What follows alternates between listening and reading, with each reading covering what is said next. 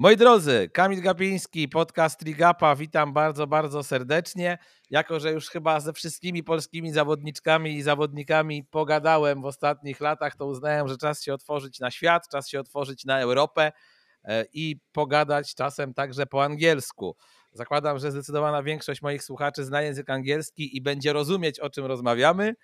E, wobec czego no nie będę tego podcastu tłumaczył, bo myślę, że zająłby mi to chyba z tydzień, biorąc pod mhm. uwagę, jaka jest długość moich rozmów, ale też myślę, że fajnie będzie posłuchać spojrzenia na triatlon osób z innych krajów.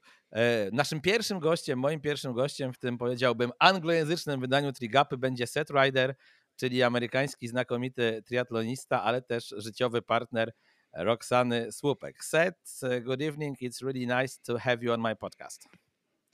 Chase Kamil, thanks for having me. Excited oh. to uh, to talk. Nice Polish accent, I must say. You uh, probably practice it with uh, Roksana. Tak, trochę, trochę. Uh, I'd like to start this podcast by congratulating you on surviving Christmas Eve in Susz. I think that must have been a challenge akin to starting at the World Championship because I know people from Susz, and it's probably was difficult for you, or no? yeah, uh, I think that might have been about a year and a half ago now, and uh, maybe even two years. And I'm finally starting to feel like I've actually recovered. so maybe uh, maybe this winter I'm ready for another round.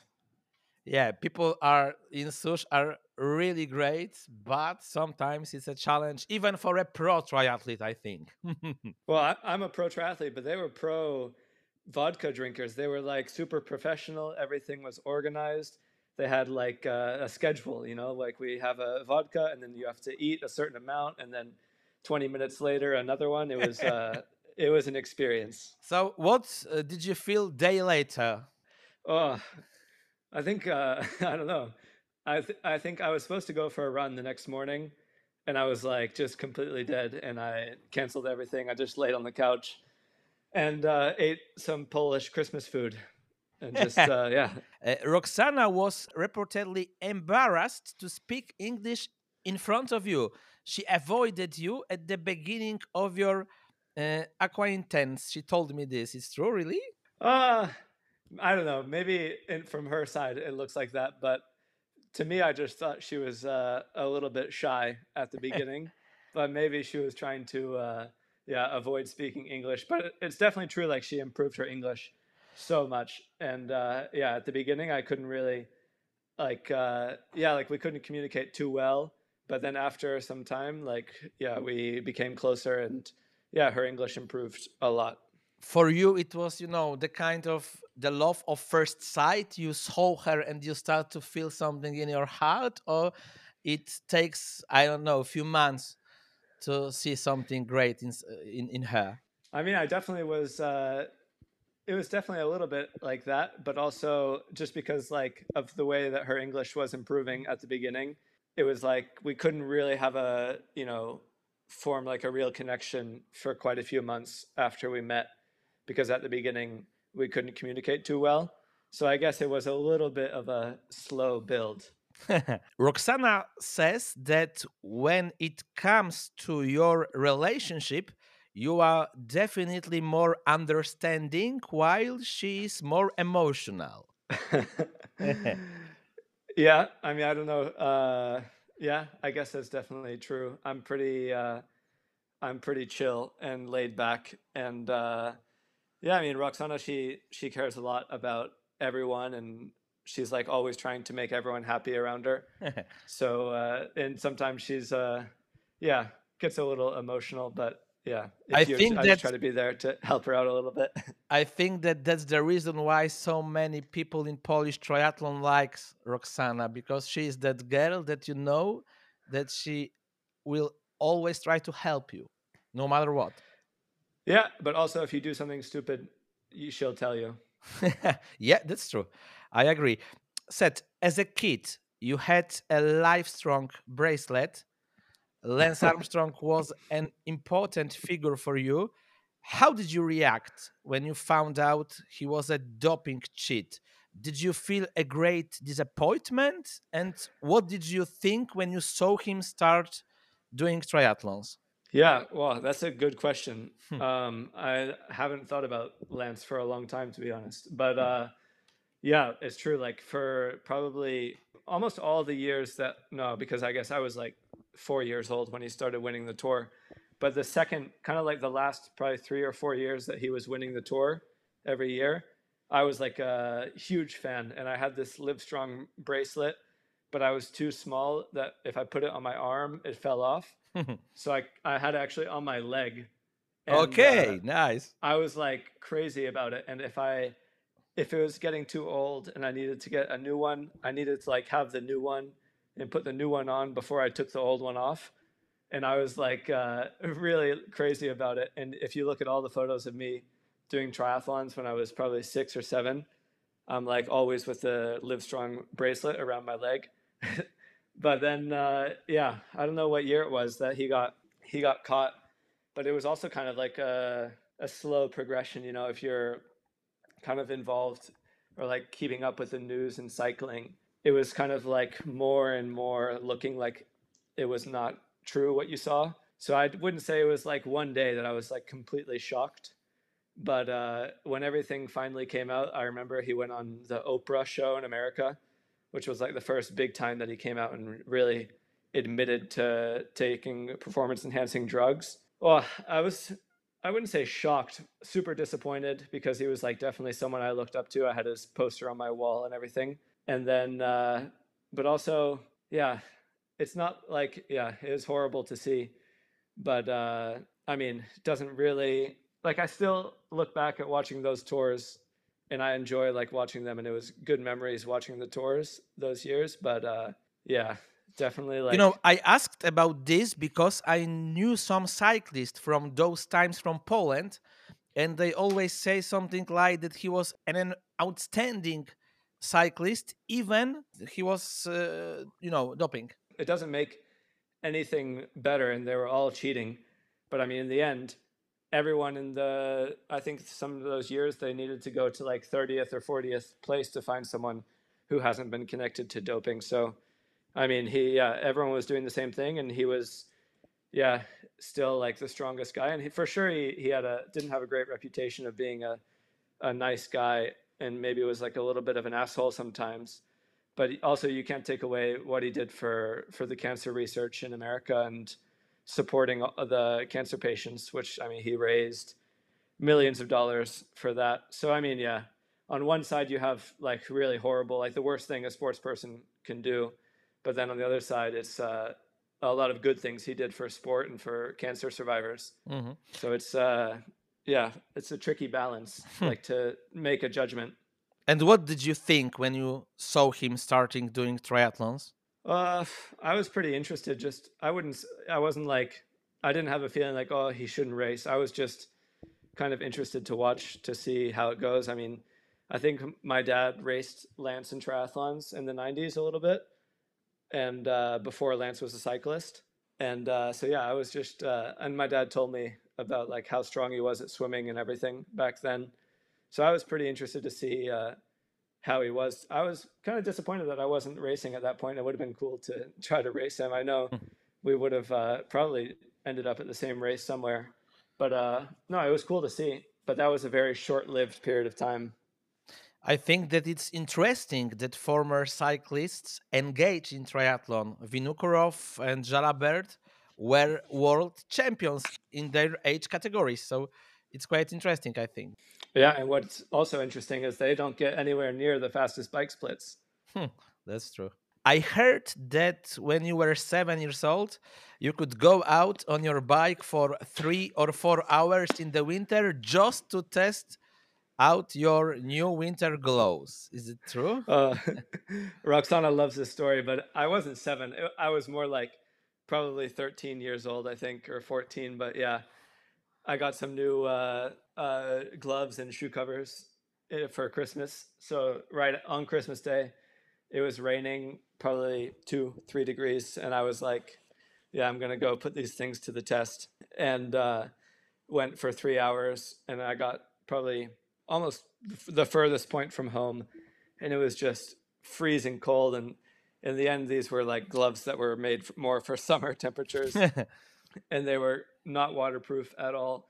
And I was like getting so freezing, I couldn't hold my handlebars anymore. So I was like calling my mom and telling her, "Oh, you got to come pick me up." And I was just, yeah, I mean, it's really funny looking back at it, but uh, yeah, I was really mad, and I was telling her like, "These gloves you got me are horrible. I can't ride outside." and I was like waiting in the middle of nowhere in the countryside, just in the rain, to come get picked up because I literally like couldn't ride my bike anymore. My hands were so cold. At what age did you feel like you wanted to be a triathlete? And did your dad or someone else from your uh, family practice this sport in the past? Yeah, my dad uh, was doing triathlons uh, in the 80s, 90s, well before I was born. But also, he was doing more back in the day. Duathlons were really big in America, and you could almost be like a professional, semi professional, just racing uh, duathlons because my dad was a really bad swimmer. So he, uh, he was racing duathlons back then, and he was racing guys like Mark Allen, Dave Scott and he wasn't quite at that level, but he was. There's definitely a few photos kicking around of him running with uh, Mark wow, Allen, nice. Scott Tinley. So pretty pretty cool to see that. So yeah, I was kind of uh, like exposed to the sport from a young age, and uh, yeah, I mean when I was six years old, I did my first triathlon. Wow. And I did other sports through my childhood, but uh, triathlon was always like the big one, the one that I cared the most about. And I mean, I think uh, in elementary school we had to, so like probably when I was around seven or eight years old, we had to uh, do a thing where you say like at school, what like what's your job going to be when you grow up? And I think already at eight years old, I put that I was going to be a professional triathlete. oh, nice. Uh, Roksana told me that as a child you trained yourself uh, where did you get your knowledge from? From your father or from internet? How how did it look? No, my daddy really didn't want to uh, like coach me. Okay. He would help me out if I asked for help, but he didn't want to like push me to do any training, tell me what I needed to do. He would just like help me a little bit. But uh, yeah, I mean, back in the day, I would read magazines, triathlete magazine, and look at like uh, they would post like training weeks, you know, of, of pros, and I would just uh, kind of like copy it, but make it a bit less. And I would, I definitely like until I was probably 14, I was not training like at a really high level, but uh, like it wasn't consistent. Sometimes I would train a lot, sometimes I wouldn't train that much. But uh, no, it was pretty funny. I would just find random articles on online or on a magazine and and just do like copy the sessions copy like a track session from Brownlee or find a Javier Gomez training day and just try to do the same thing. And then I would be destroyed the next th- two days and wouldn't do anything. Uh, today I read that almost 400,000 people are training in triathlon in United States. How popular is this sport on the scale of America from your point of view? Yeah, uh, the US is just so big, you know, like where I grew up, specifically in Tennessee, triathlon is not that big. Like uh, in my like city, my I live in a city of like the whole area is around one million people. Okay. And uh, I mean, if there was someone doing triathlon there, I would know them. Like there's okay. so, so few people that you pretty much know almost everyone. I mean, now that I've been living uh, away for quite a while now, I probably don't anymore. But when I was living there, I would have known like almost everyone. So it really depends where you are. You know, like you go to California, somewhere like that, triathlon's huge for sure. But uh, yeah, it's definitely different to Europe. It's way less young people. A lot more people get into the sport when they're 40, 50. They got extra money and spare time and they want to find something to, to do. But uh, no, like in Tennessee, it's definitely not that popular. Like I'm surprised that it's 400,000 people doing triathlon, but when you think about how big America is, I'm sure that per the population, triathlon's much more popular in Poland. I think that uh, 400,000 people, it's similar population to Bydgoszcz. It's something. it's something like that. But how many people are doing triathlon in Poland? This is good question, and to be honest, I don't know. I need to check it. Uh, as a junior, you were a sparring partner for Sarah True, the 2014 uh, vice world champion. What did that teach you? Yeah, I mean, that's basically where my introduction to high performance sport was. Uh, I competed in the 2014 Youth Olympic Games, and then I went to the Junior World Champs in Edmonton, which was kind of like my first two races, uh, international competitions as a junior. And there I met Sarah at the grand final, and uh, I got connected to her coach at the time, Joel Filliol. And uh, yeah, I was really lucky enough to uh, get invited to come and, and join the group for the following season. And yeah, she had just become, yeah, I think you said 2014, she got second. So 2015, I was there in January. I dropped everything. I brought my school books on the plane to Mallorca for mm-hmm. like a three month training camp with uh, Joel and everyone there and Sarah. It was an amazing group at that time. You had Richard Murray, Mario Mola, and uh, yeah, I had a mixture of of training with uh, Sarah and also training with the guys, a little bit of both. Because I mean, I was only 18 or 17 at the time, so I definitely wasn't ready to to do everything with the guys, but also I could handle a little bit sometimes. And I really like before that, I had only trained at home alone, like swimming with the local swim club, and then I just went from one day to the next into the highest performing international triathlon group, which was pretty crazy. I mean, I'd never seen anything like that before. And these guys were just living in a hotel in Mallorca for the whole winter.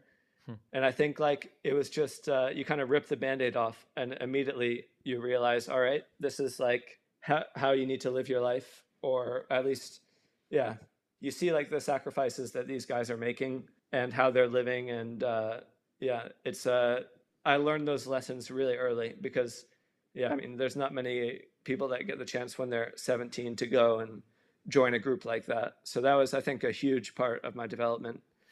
And uh, yeah.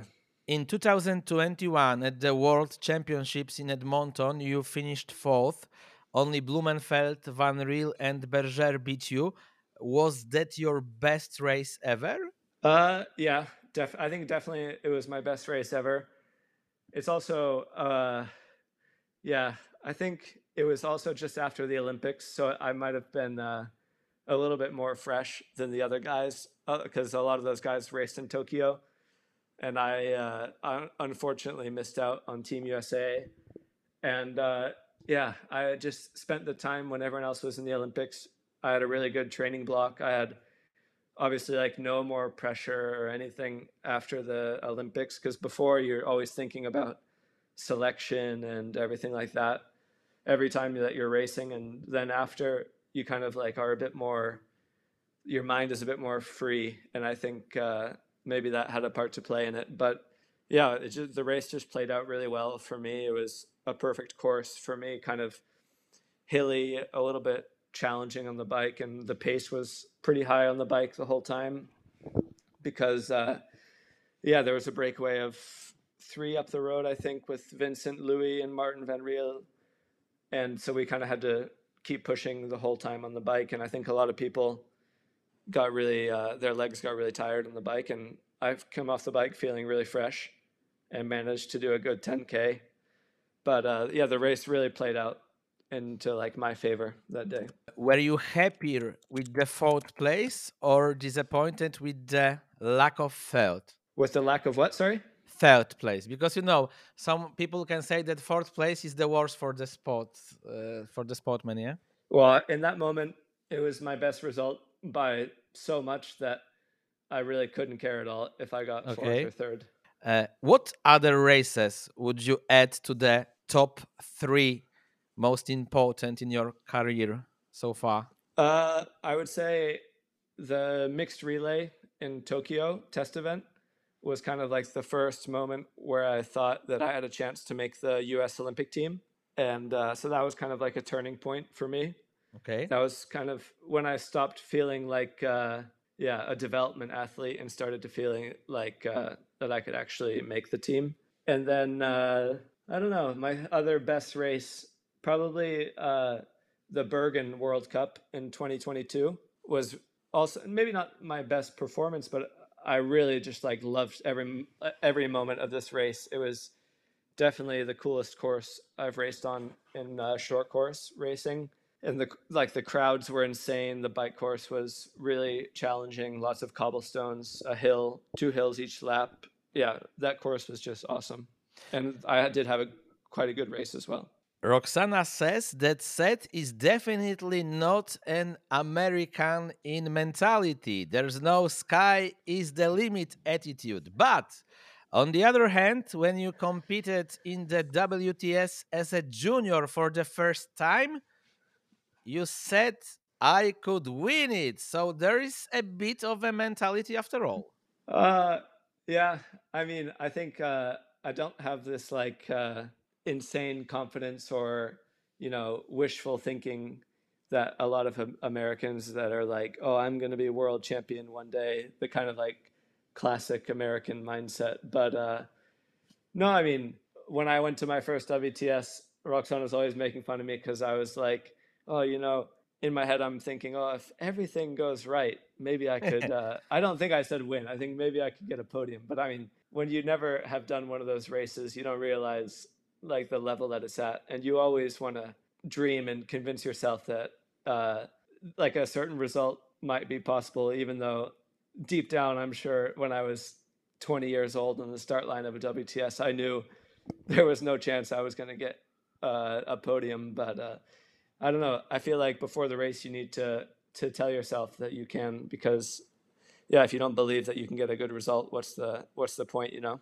cycling wise you're supposedly one of the best ITU triathletes. Uh, running didn't seem as impressive. Once you joked, Roksana told me that she can run 10 kilometers faster than you in some circumstances. well, maybe uh, on, a, on, if something happens, maybe that could happen in a, a like a, a, race where I have some problems. There's definitely been a few days where uh, yeah, I don't know, I completely blew up or something. And I look at the results after the fact and I was like, yeah, the girls, the top girls run splits were, were getting a little bit close to me. but uh, no, I think, I think I've got Roksana covered on a 10K for now. uh, who from the world's top triathletes in recent years has been an inspiration to you in terms of training? Uh, in terms of training, uh, probably, yeah. I mean, I think like everyone in triathlon uh, after Tokyo, they kind of looked at the Norwegians and what they're doing, and maybe took uh, and maybe started to think like, oh, maybe we should uh, pay a little bit more attention to the like scientific side of things because before then, I mean the the the method that was really popular, I guess, was a lot less scientific than it is now. I mean, if you think about the between 2012 and 2016, that Olympic cycle, like everyone was talking about Joel Filliol's group, Jamie Turner's group. Those guys never even saw a lactate meter. I don't even think they even knew what a lactate meter was. So it's uh, yeah, it's crazy how things change so quickly. But after Tokyo, for sure, we looked at uh, what the Norwegians are doing and kind of thought, oh, we need to maybe yeah look into this a little bit and see. And we definitely experimented with that a little bit.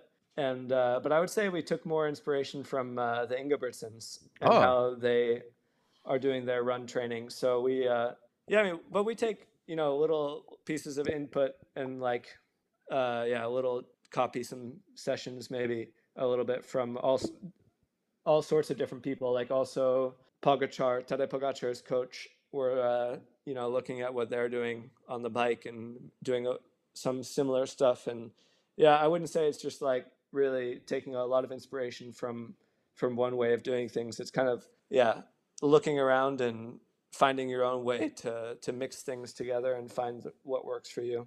I think that it's like in art it's worth drawing inspiration from masters and sometimes stealing something from you. Yeah for sure. I mean triathlon is definitely uh, I think like triathlon coaching is as much of an art as it is a science. I mean, I think uh, the Brownlees and the Joel Filliol group, when Mario Mola and Richard Murray were on their like top form around the Rio time, like those guys would uh, would be able to put a good fight to to Kristian in Tokyo had it had it been like uh, Alistair Brownlee 2012, you know, and and their training was much more uh, artistic, less scientific, less uh, numbers, more you know, just hard work and by feel and emotion. So it, uh, yeah, there's definitely more than more than one way to go about it. The pace of development is incredible. Is there anything beyond lactate measurement from technical innovations that has amazed you? Uh, I still have not really, uh, you know, gone too much into uh, these kind of gadgets and a lot of these things that pick up a lot of like, you know, popularity among the age group people. I've maybe tried them a few times and I'm just not really impressed. You know, lactate has been around for 20 years or more, so it's not really like a new technology. Yeah. It's just new in triathlon. Well, it's not even new in triathlon. It's just more popular since since Kristian won the Olympics. But uh, I mean, it's been around for a long time.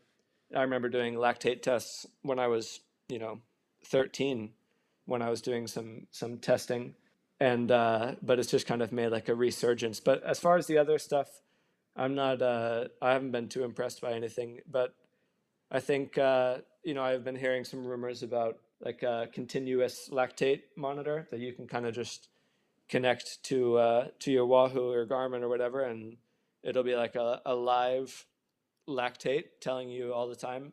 I think when that comes out, probably in the next couple years, that's going to change everything. I mean, I think that'll change how people are training, and if it's allowed in races, that's also going to change how people are racing as well. Moi drodzy, teraz kącik trenerski, a więc wracamy do języka polskiego z języka angielskiego. Ze mną Michał Wojtyło, Trimp Team. Witam Cię Michale gorąco.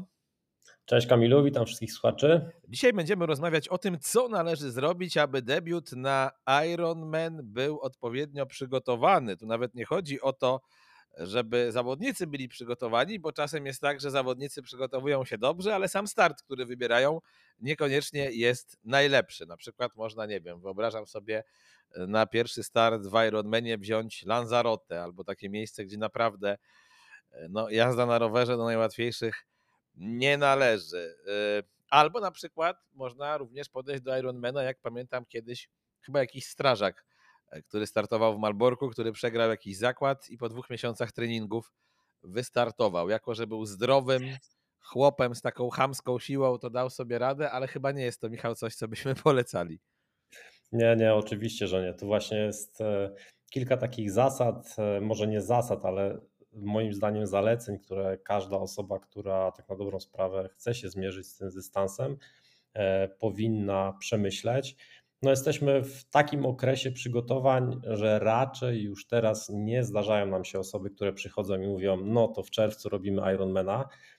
Teraz raczej zdarzają się już osoby, które myślą albo o końcu roku, a to już jest e, dość krótki okres, jeśli się nie przygotowywaliśmy, ale w większości przypadków mówimy już o całym przyszłym sezonie, więc teraz do wyboru mamy praktycznie wszystkie starty i wszystkie możliwości.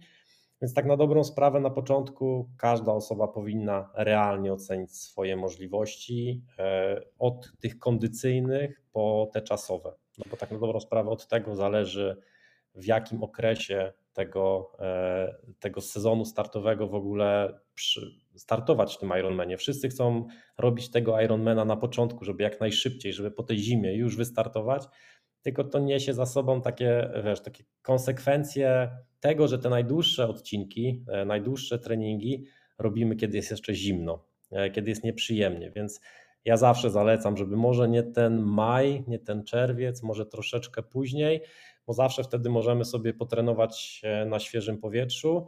No ale zanim w ogóle wybierzemy, rozmawiamy o tym, to pierwsze jest pytanie, czy na pewno ten Ironman już jest dla Ciebie. Ja, ja bym zaczął chyba tą dyskusję od tego, czy, czy, ta, czy osoba jest już gotowa w ogóle do, do podjęcia takiego wyzwania. Tutaj mi przypomniałeś, jak pamiętam, że Rafał Herman trenował, zdaje się, że do RPA, e, które jest chyba w kwietniu, albo było w tamtych czasach, mówię o pełnym Ironmanie, no to jechał na rowerze u siebie w mieszkaniu na trenażerze, a potem szybko przechodził tam przy minus 10 do siłowni, która była, wiesz, po drugiej stronie ulicy dosłownie, tylko się przebierał na chwilę, wpadał do tej siłowni i robił bieg, więc to, jednak wymaga pewnego, powiedziałbym, specyficznego, pewnej specyficznej konstrukcji psychicznej. E, znaczy wiesz, im, no właśnie dlatego im jesteś takim początkującym amatorem, tym lepiej jednak ten pierwszy start przeżyć takiej e, z wspomnieniami, które są naprawdę fajne, niż z takimi wspomnieniami, które e, od, odrzucają cię od, kolejn, od kolejnych prób takiego długiego dystansu. Tak, to jest prawda. Ja rozmawiałem z jedną z naszych znakomitych sportsmenek. Jezu, mam jej twarz przed oczami, nie mogę sobie przypomnieć nazwiska. Kickbokserka i mistrzyni świata E, Iwona Guzowska chyba, jeżeli dobrze mówię. I Iwona Guzowska, która robiła pierwszego Ironmana i ja jeszcze byłem przed pierwszym Ironmanem, w sumie jedynym, ale mówiła mi ciesz się każdą chwilą tego startu i wybierz takie miejsce, które lubisz, bo to jest coś, co będziesz wspominać całe życie, więc bez sensu sobie w tym momencie zrobić krzywdę. No pierwszy raz Kamil przeżywa się tylko raz. To, to wiadomo, nie? Wtedy i tak już jest życiówka, e, więc naprawdę warto, aby ten start E, był, był czymś, co, co się będzie wspominało. I to jest chyba też, e, też bardzo ważne. No ale wiele osób też zapomina o, o takich rzeczach podstawowych, że aby start, e, logistyka według mnie jest tak, takim kluczowym elementem, bo jesteśmy tutaj, myślimy, zapłaciliśmy już sobie za tego Ironmana, co nie jest zresztą tanie, no ale jeśli zapłaciliśmy za Ironmana na drugim końcu świata, to te koszty po pierwsze są dodatkowo mnożone kilkukrotnie, a po drugie ta cała logistyka z tym związana, szczególnie jak wybieramy się na taki start po raz pierwszy, potrafi zestresować i potrafi przytłoczyć dodatkowo, co na pewno nie jest, e, nie jest potrzebne, szczególnie e, przy takiej ilości stresu, który już sobie, już sobie do, dokładamy. No i na pierwszy start w większości przypadków jedziemy albo z rodziną, albo ze znajomymi. Więc pomyślmy też o nich i pomyślmy o tym, żeby dla nich ta lokalizacja też była e, fajnym miejscem, e, no bo pamiętajmy o tym, że chcielibyśmy z nimi jeszcze kiedykolwiek pojechać na jakiś start, więc jeśli zabierzemy ich do miejsca, gdzie oni wiesz, będą musieli latać przez cały dzień, narobią 30 km w nogach, żeby zobaczyć cię raz albo dwa razy, to ja gwarantuję, że e, taki partner, czy partnerka, czy znajomi już więcej razy z nami nie pojadą. Więc A to jest pełna zgoda, bo ja byłem raz w życiu jako support e, Mkona na Ironmanie i to w Marborku w 2020. Tam oczywiście wiedziałem, czego się spodziewać i tam jest taka trasa, która daje cztery pętle rowerowe i widzisz tego gościa trochę częściej, czy przy tych sześciu pętlach biegowych już nie wspomnę, ale pamiętam jaki byłem zszokowany, jaki ja jestem po tym Ironmanie zmęczony, bo tutaj dokładnie trafiłeś z tą liczbą może nawet w tym przypadku chyba wtedy to nie było kilometrów, ale kroków, ale jakoś to podobnie wyszło. Pamiętam, że to było ponad 30 tysięcy kroków, które przeszedłem w ciągu tego dnia tylko pomagając komuś. Wiesz, i teraz sobie wyobraź, że zawodnik ma bufety, jedzenie, picie, a ty jako taki kibic, o wiesz, nie powiem o suchym czym, e, podążasz za nim i szukasz, pędzisz i nawet nie masz czasu, kiedy zjeść obiad, bo potem będą pytania, a gdzie, mi, gdzie moje zdjęcia z trasy, nie? A powiedz, są takie starty, które ci przychodzą jako pierwsze na myśl w Europie, które dzisiaj byś e, ludziom na debiut polecił i w drugą stronę, czy są takie starty, które byś odradzał? Nie dlatego, że nie lubisz tego Ironmana X, tylko właśnie dlatego, że na debiut to może być za poważne wyzwanie albo właśnie zbyt skomplikowane logistycznie. Znaczy wiesz co, tutaj tak na dobrą sprawę tak fajnie, płynnie przechodzimy do tego, do tej trasy, wyzwania i do, do, samego wyścigu, bo mamy już, wiesz, skoro tu jesteśmy, to znaczy, że Ironman jest dla nas, wybraliśmy fajną, wiemy co to jest logistyka, jakie są z nią problemy, no i, i wpadamy w tą, w tą lokalizację. No i tutaj tak na dobrą sprawę wszystko zależy już od predyspozycji każdej z osób, bo każda lokalizacja ma te swoje trzy kluczowe elementy: pływanie, rower, bieganie no i tak, jeśli ktoś się czuje bardzo dobrze w wodzie słonej, no to wiadomo, wybieramy starty, które są gdzieś w wodach słonych. Niektórzy nie tolerują pływania bez pianek, więc już trzeba pomyśleć o tym, że niektóre starty no, mają duże ryzyko startu bez pianki. Na przykład sam Klagenfurt przez kilka lat była taka temperatura wody, że zakazywano pianek. No teraz organizator przesunął ten start prawie o dwa tygodnie tylko po to, aby dać szansę nienagrzewaniu się wody i startu w piankach. Więc tutaj z pływaniem musimy na to zwrócić uwagę. Z rowerem no, rower jest naprawdę specyficzny i tutaj u, u większości amatorów trzeba patrzeć na to, czy ktoś umie jeździć po górkach, czy bardziej preferuje trasy płaskie. Jeśli wybieramy start z górkami, no to nie wyobrażam sobie, żeby taka osoba nie trenowała, może nie tyle podjazdów, bo podjazdy wiesz, no wsiadasz na trenażer i tą siłę sobie zrobisz, e, ale trzeba trenować z jazdy. To, to potrafi naprawdę zniszczyć niejednego dobrego zawodnika, a tym bardziej amatora. No i tutaj ewidentnie Nica jest taką trasą, która, e, którą bym odradzał osobom, które czują się słabo w górach. No i po drugiej stronie mamy trasy płaskie, które z założenia się poleca wszystkim osobom na, na ten pierwszy start, no ale tutaj też trzeba zwrócić uwagę na to, że no niestety trasy płaskie mają ten jeden minus, to jest drafting. To są pociągi, które są, były i będą na tych trasach. No może jak wprowadzą elektryczny, e, elektryczny, może jak wprowadzą e, ten system, o którym też chyba mówiliście. Tak, tak, rozmawialiśmy o tym. Temu, no może to wyprze trochę drafting, no ale do tego momentu no każda osoba jadąca na taki start, na taki debiut, mm, no będzie raczej w tej środkowej, w środkowej części, w środkowej grupie. No i tam trzeba, trzeba mieć świadomość tego, że przyjdzie taki moment, kiedy możecie minąć duży pociąg, albo kiedy ty wpadniesz w taki młyn. No i takim osobom na przykład ja zawsze zalecam trenowanie w grupie. To, to może brzmi śmiesznie, no ale no nie możemy zamykać, jakby być w tej bańce i, i wierzyć w to, że tego draftingu na takich startach nie ma. On się trafi. No, nawet mieliśmy przypadek śmiertelny w tamtym roku, gdzie z uwagi na tak duże zagęszczenie zawodników, no dwie osoby się spotkały na trasie, jadące w przeciwległych kierunkach. E, coś, coś się zdarzyło, że, że obie osoby jakby się złączyły rowerami, no i doszło do śmiertelnego wypadku. Więc Tutaj też na przykład zalecamy zupełnie, in, in, zupełnie inne treningi, no ale wiadomo, że płaskie trasy są bardziej preferowane dla, dla debiutantów. To, to na pewno e, na pewno wymaga mniej wkładu e, takiego e, wysiłkowego. No i na koniec bieganie. No i bieganie tutaj chyba takim najważniejszym aspektem jest taka odporność na wysokie temperatury. Jeśli ktoś ma taką adaptację do wysokich temperatur, no to praktycznie każda trasa jest dla niego, ale jeśli, jeśli są osoby, które no, tych wysokich temperatur nie znoszą, no to tutaj już szukamy naprawdę trasy w cieniu. W większości nigdy nie ma trasy całej w cieniu, wiadomo.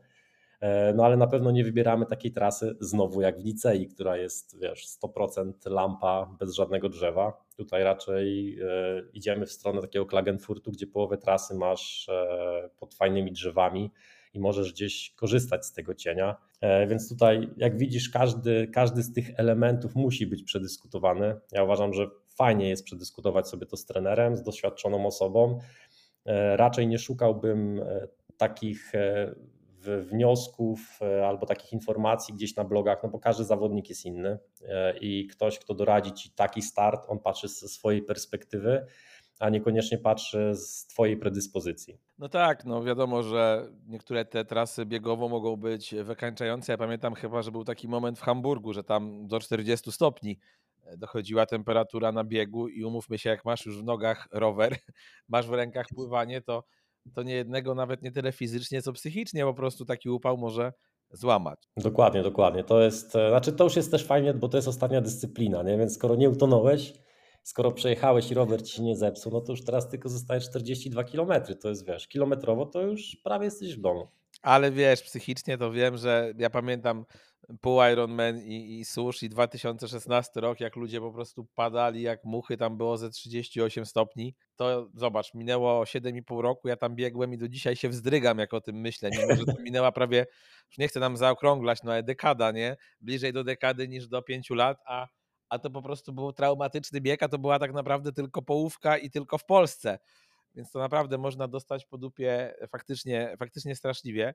E, są jeszcze jakieś rzeczy, o których warto pamiętać, bo pewnie też chodzi o pieniądze, no bo umówmy się, mm, jak nie jesteś przekonany, czy ten sport jest czymś dla ciebie, jak robisz tego pierwszego Ironmana, jak chcesz mieć jakieś, e, wiesz, takie pamiątki na całe życie, to z jednej strony, tak jak mówiliśmy, fajnie wybrać dobre miejsce, no ale z drugiej, jakbyś chciał zabrać żonę, dwoje dzieci, mamę, e, siebie i jeszcze dwojga, dwoje przyjaciół, nie wiem, właśnie na Ironmana, na inny kontynent, no to koszty będą, wiesz, niebotyczne. Nie no, koszty są horrendalne. Na pewno jeśli, jeśli myślimy o Ironmanie, e, to musimy też mieć na uwadze fakt, o jakiej skali imprezy myślimy.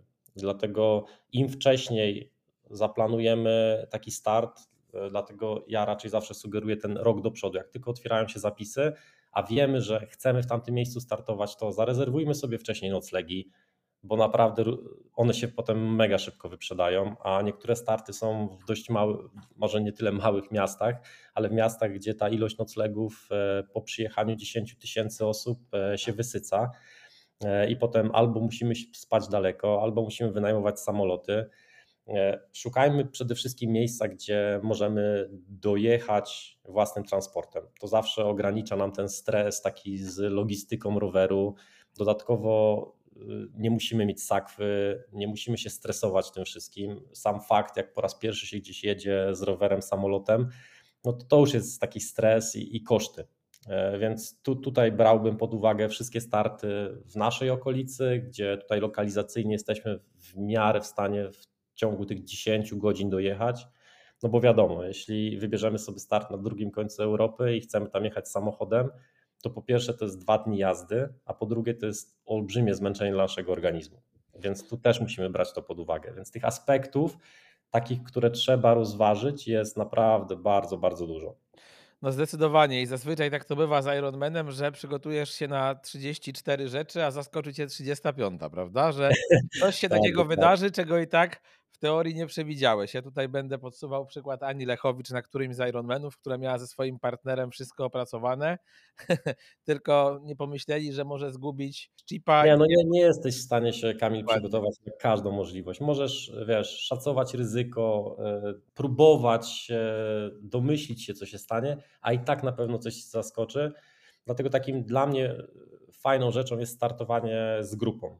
E, nie tylko z grupą znajomych, z którymi się jedzie, ale z grupą zawodników, e, z którymi po pierwsze będziemy mieli wspólny cel, po drugie będziemy mieli też na miejscu wspólne tematy do rozmów, no bo bądźmy szczerzy, no w pewnym momencie ci nasi znajomi, z którymi pojechaliśmy i rodzina ma dość rozmawiania o tym triatlonie, hmm. więc war, warto mieć tam osoby, które nas rozumieją.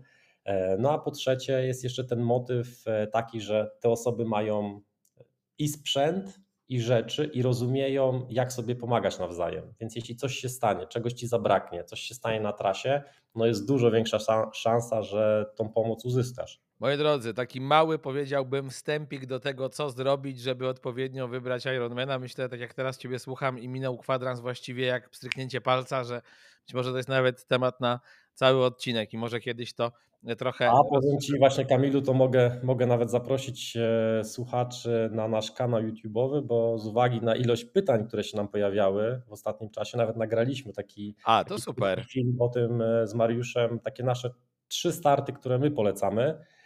E, dlatego zapraszam. Oczywiście to jest nasza, nasze zdanie, nie musicie się tym kierować. No ale też mamy dla, dla osób, które mają ochotę, znaczy, które już tak na dobrą sprawę zapisały się na start, e, mamy taką niespodziankę. Wpisujcie w, na naszym e, Instagramie pod postem z tego odcinka.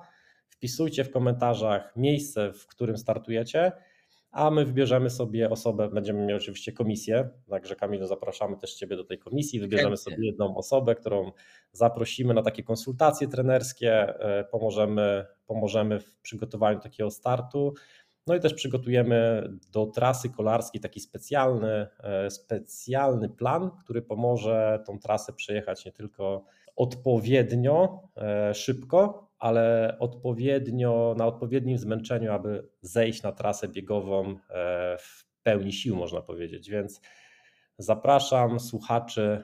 Post powinien się pojawić, mam nadzieję, dzień po dzień po e, naszym e, wystąpieniu, także szukajcie, wpisujcie, a na pewno z kimś się skontaktujemy. Tak, nigdy nie odmawiam, że tak powiem, miejsca w komisjach ani w zarządach, także przyjmuję.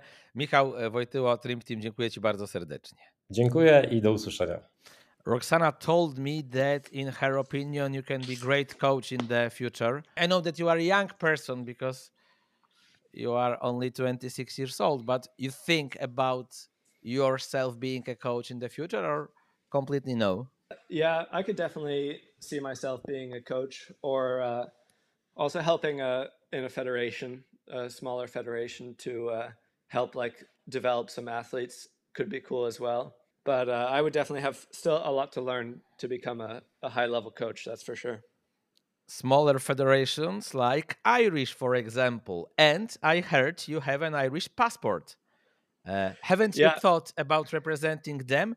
Uh, surely it would be easier for you to qualify for the Olympics than to represent the USA, I think. Yeah, it would definitely be uh, a lot easier. But for now, you know, I'm really committed to trying to make Team USA because I think uh, going to the Olympics is one thing, but going to the Olympics for Team USA is Another. would be yeah i think it's a completely different thing you know it's like growing i mean i'm 100% american you know i grew up in the us i might not live there anymore but i'm like 100% american. I've never even been to ireland. Okay. so uh, yeah it would be uh, yeah definitely much cooler if i can represent america in the Yeah, I think that it's impressive to be uh, at the Olympics, the triathlete from USA, from France, from Germany, because when you know the level of the triathlon in these countries, you know how difficult it's to be a guy in the Olympics from from them. Yeah, for sure. I mean, I don't think you can quite compare U.S. triathlon to France and Germany in the last couple of years, but uh, Ah, that's true. it's definitely one of the harder countries. The three most important things in a triathlete's training, according to you, Uh, carbs, volume, and intensity control. okay?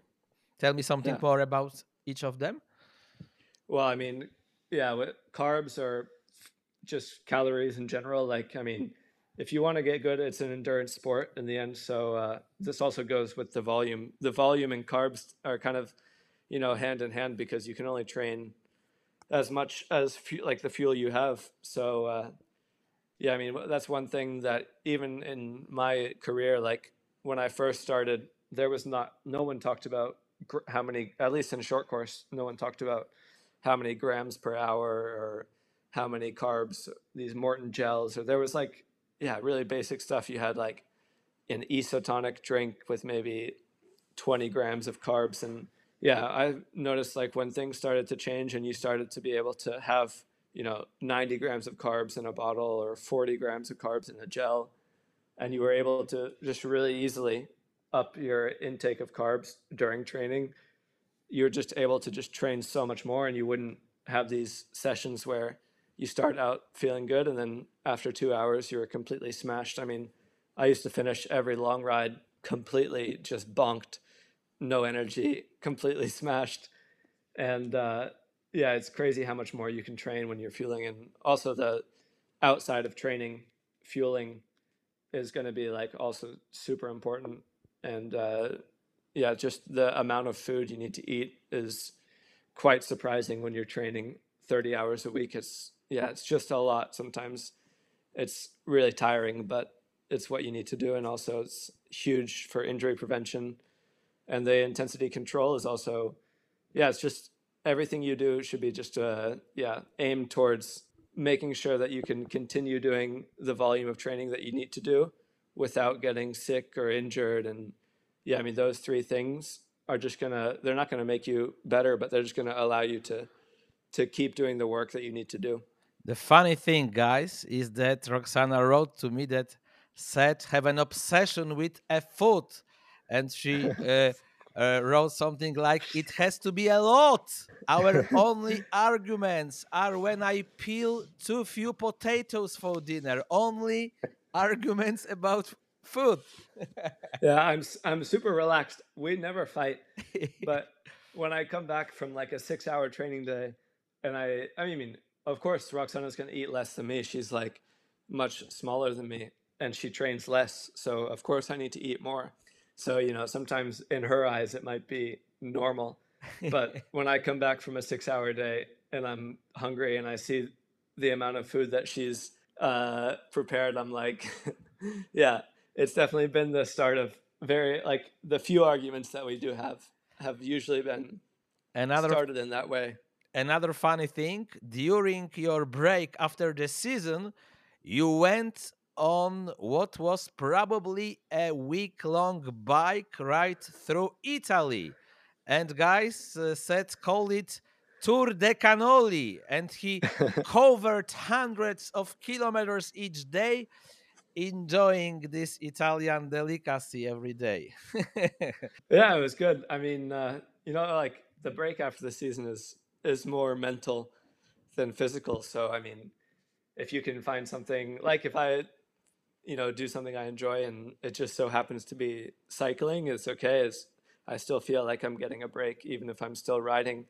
But yeah, I did. Uh, I planned a 800 800k more or less loop around Sicily, the island just at the bottom of Italy. I had five days, and uh, yeah, it was awesome. I was totally alone, nobody there, and it was during COVID time, so like the whole island was just empty. And I went around and uh, yeah, stayed in some random towns, in little like uh, you know, farm B and B type places. But it was it was an experience for sure. But Sicily was cool. I met some really nice people there, and can't wait to go back. And I really want to do uh, something like that again. It would be cool to do in Poland, but whenever I'm on my off season, it's already too cold there. Yeah, that's true. How difficult is is it to qualify for the Olympics representing the United States? Could you tell us more about it? Yeah, I mean it's definitely difficult. It's definitely not the hardest Olympic team to make for the men. I mean the I wouldn't want to be like the people deciding the team for the French, for example. That's definitely a, a much a much harder team to make. But uh, no, the U.S. team is definitely difficult to make, and it looks like yeah, we're, we're kind of on the border of having two spots or three spots for the men. So that's gonna, I mean, that will change a lot if it's easier or harder. I mean, if it's only two spots, it's gonna be much more, much more difficult. But uh, no, I think I have a chance. I just need to, uh, yeah, race at a high level in the first part of 2024, and just yeah, do my best performances and see. I mean, we have. It'll most likely come down to a discretionary selection from uh, like a committee of people inside the federation that will choose the w- one remaining spot or two, depending. So uh, yeah, it's just kind of you just have to show your best ability in these races in the next coming three or four months until May.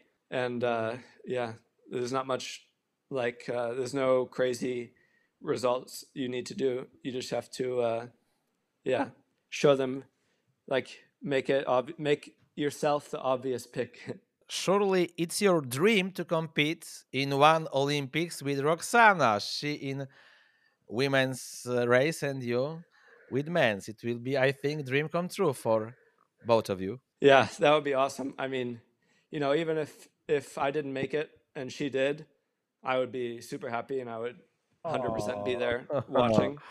okay. But uh yeah, no, it would definitely be cool if we're if we're both there. Do you see any difference in mentality between Polish and American triathletes? Uh, I mean, I haven't met too many of the Polish. Yeah, I'm aware of this, but I thought that you probably met few, so this is why I'm asking. Yeah, I mean, in general, it's there's a lot of differences in uh, like in the high performance side of the way like yeah, people in the federation are working and the athletes are are getting support and stuff is different. And uh, yeah, it's quite interesting to see. But yeah, it's it's tough. Pol- the Polish triathlon is in a tricky situation with. I mean, triathlon is not a hugely funded sport in Poland, so it's always tough with limited funding to uh, support athletes. And in difference in in mentality, I think uh, no, I think like people that are in the sport are also like the people I've met there are quite hardworking and like, yeah, also dedicated to training and yeah, dedicated to trying to to be the best athlete they can be. Seth, have you always had the ability to endure suffering suffering in training, or did you have to develop it within yourself? I think I was always uh, able to go pretty hard in training, especially like yeah. When I think back to when I was younger, I was for sure doing some sessions where I pushed myself really hard. And uh, yeah, I don't know. I think that the ability to suffer was always there. Just I got slowly faster. You know, sometimes I ask triathletes about their favorite training and the training which they uh, hate. So tell me about yours. I hate swimming, all of it. Okay. it's quite funny And- because uh, Roksana told me that you are a great swimmer, probably so as good as uh, cyc- cycling. Yeah, I mean, sometimes I come out of the water. Uh, I'm I've had a few bad swims. Like I'm not very, very every single race out in the top five, but I mean, yeah, I've had some races in WTS where I come out of the water second or third. So I've had some some good swims, and usually am coming out in the front group. No, I just don't really like swimming in the pool. It's not really. Uh, yeah, I don't know. I've been doing it for a while, and uh, yeah, if I when I finish my triathlon career, I'll probably take a little bit of time off swimming, and I, I can't wait to do Ironman because then you, the level of swimming is so low. I think I could swim like three times a week, and uh, it'd be okay. So uh, that's definitely my least favorite. In But, uh, Poland, we sometimes say that swimming is overrated. So I assume that you are the fan of this theory. Yeah, yeah, I like it. You need to teach me how to say this in Polish, and I'll tell it. Przereklamowane. Przereklamowana. Yes, great Polish Okay, accent. perfect. Uh, no, my favorite session is probably uh, well, my favorite favorite is when I'm on the off season and I can go ride my mountain bike for four hours. But when I'm not during off season, my favorite session is when I can go ride my road bike for four hours. okay, because uh, Roksana told me that you know everything about bikes and and can assemble a bike from Chinese parts, for example, for almost free. Uh, that won't be inferior to branded uh, gravel bikes. yeah, I I wanted a gravel bike, but I didn't really want to. You know, I, I don't race PTO. I don't have the money. I need to to save some money where I can. So I built a gravel bike this off season, just off some uh, Chinese parts, and uh, it's kind of funny because I have a, a wheel sponsor, Princeton Wheels, which are the best wheels that you can buy. and uh, no, I, I so I built the whole bike, and it was like really cheap, and I think the wheels cost three times as much as the rest of the bike. I heard you have two non sporting passions in life. You love browsing real estate all over the world. So tell me first about this, something more, where this passion came from. Yeah, I mean, I wouldn't. Uh, I don't know if I would call that a hobby, but definitely Roksana's always making fun of me because we, if we go somewhere, uh, almost always pull up the the local website and look it up. You know, like if we're in New Zealand, I'm like, oh, I wonder, like what the houses are like here. So yeah, it, that more started when we yeah kind of started looking at some places in Spain and Portugal, and then uh, yeah, it's I don't know when I'm in between training and I'm I'm bored on my phone. It's a good way to pass the time. So yeah, I was looking, yeah, all over the place. Even looking in uh, in Szklarska and the, Okay. how much the houses are. Not that cheap. Not as cheap as I But thought. I, I wanted to tell you don't check apartments prices in Warsaw or you will grab your head in disbelief, really. Believe me, it's like super crazy in Poland right now. Yeah, I mean, I, I heard like the the inflation of the house prices is pretty crazy, but also in America, it's insane. I mean, I, I could never afford to to live in the U.S. in, unless I get a real job. Real job, funny. Uh, would you ever want to open your own cafe? Because Roksana told me that you also love coffee. Yeah, that's definitely uh, my uh, plan for after my triathlon career. Is I think even more so than wanting to to be a coach, I would want to do something like like that. It's uh, super interesting for me, and uh, yeah, I mean, I've luckily traveled a huge part of the world and been able to check out cafes all over. So I have lots of inspiration to to draw upon when I'm when the time comes. You know. In the end of our interview, I'm really interesting. What is your biggest dream in next few months? I think that it will be Paris 2024, but maybe I don't know something about you, and you will tell something else. Uh, no, I mean, I think, yeah, my biggest goal for the next few months is definitely to qualify for Paris. But then, uh, yeah, just after, I want to uh, try to get a podium in my first non-draft race. I don't know what it's going to be, but I really want to, yeah, explore that kind of racing right after the Olympics and try to, yeah, get in there as quick as possible because I know so many athletes are going to switch across after this Olympics. So half Ironman for a start? Yeah, I mean, I don't like to plan my plan B, but if I don't qualify for the Olympics, then uh, I definitely have my eye on the Warsaw 70.3 because it's one of the last races you can do to qualify for Taupo, the Worlds. Okay, so but hopefully I'm not there. yeah, I wish you to, you know, first Paris and then we will see what will happen in the second part of 2024.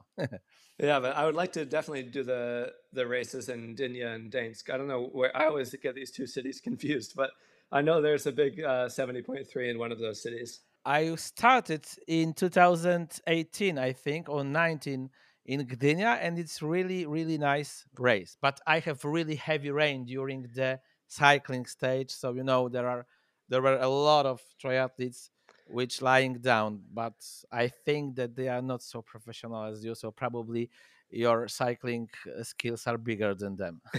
Is this the one that uh, Frodeno said was flat and all the Polish people thought was hilly? Yeah, I think that it was this one. Yeah, yeah, because Jan Frodeno was yes, it was it. Okay, yeah. said thank you for your time. It was really nice to have you on my podcast. Yeah, it was really nice to meet you. Thank you so much. Dziękuję bardzo. Dziękuję bardzo, moi drodzy. Słyszeliście, bardzo sympatyczny, bardzo fajny, bardzo ciepły człowiek i poczucie humoru i wiedza.